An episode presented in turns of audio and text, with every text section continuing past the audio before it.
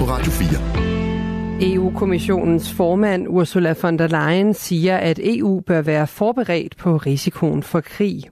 The threat of war may not be imminent, but it is not impossible. And the risks of war should not be overblown, but they should be prepared for. Og her siger hun blandt andet, at risikoen for krig ikke er overhængende, men at det ikke er umuligt. Samtidig siger von der Leyen, at EU vil fordoble produktionen af ammunition og producere mere end 2 millioner artillerigranater årligt inden udgangen af 2025. Ursula von der Leyen siger også, at EU-landene er nødt til at begynde at genopbygge og modernisere deres forsvar med flere forsyninger og med flere penge. Skovirksomheden Ekos 600 ansatte kan sammenlignes med værnemagere, der arbejdede for tyskerne under 2. verdenskrig. Det siger Venstres folketingsmedlem Jan E. Jørgensen til Radio 4. Han mener, at det at Eko stadig eksporterer sko til Rusland to år inde i landets krig imod Ukraine, gør, at man kan sammenligne de to situationer. Og han opfordrer Ekos ansatte til at sige op. Og jeg er da med på, at det er en kæmpe stor beslutning at skulle sige sit job op og søge et andet, og det kan måske være svært at få et.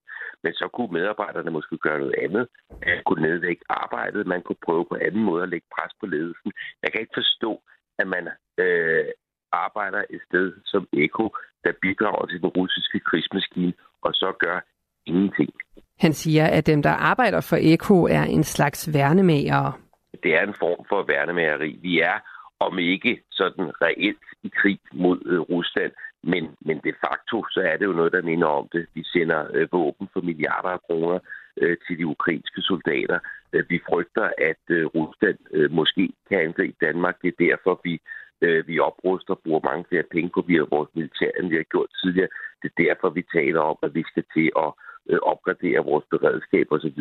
Og at man i den situation ikke kan forstå, at man skal trække sig ud af Rusland, det har jeg virkelig svært ved at forstå. Men Peter Engel Andreasen, der er erhvervsdirektør i Tønder Erhvervsråd, tager ikke godt imod Janne Jørgensens opfordring til, at medarbejderne på Eko siger op. Han mener, der er tale om ren populisme. Det værste ved det her, synes jeg, at han, han kylder de her 600 medarbejdere ud øh, og stiller dem til skue. Øh, og det, det er jo nemt, når man sidder øh, som folketingspolitiker for Frederiksberg i København øh, og ikke har særlig meget begreb om, hvad der foregår i vores del af landet. Den russiske oppositionspolitiker Alexei Navalny blev udsat for tortur gennem tre år på præsident Putins ordre, det hævder hans enke Julia Navalnaya under en tale til EU-parlamentet. Putin killed my husband, Alexei Navalny. On his orders, Alexei was tortured for three years. Og I har ikke med en politiker at gøre, men et forbandet uhyre, siger Julia Navalnaya, Navalnaya også om Putin. Tidligere i dag har en af Navalny's talspersoner sagt, at han bliver begravet i Moskva fredag den 1. marts. Under sin tale så siger Navalnaya, at det er uvist, om begravelsen kommer til at forløbe fredeligt. En lang række danske NGO'er og nødhjælpsorganisationer er gået sammen om et fælles opråb til danske politikere. Her opfordrer de regeringen til at arbejde for, at der kommer en våbenhvile i Gaza, og at den bliver langvarig, så nødhjælp igen kan komme frem. Det sker på et tidspunkt, hvor 1,5 millioner mennesker er klumpet sammen i Rafah, og hvor FN advarer om, at hver fjerde indbygger i Gaza kun er et skridt fra hungersnød. Blandt afsenderne er Red Barnet, hvor Anne Margrethe Rasmussen er chef for organisationens arbejde i Mellemøsten. Det vi efterspørger, det er selvfølgelig politisk handling. Det er, at den danske regering støtter op om øh, et krav om, at vi, øh, at vi får en varig våbenhvile nu, for det er en varig våbenhvile og uhindret adgang for humanitær hjælp er det eneste, som, øh, som kan ændre på denne her situation.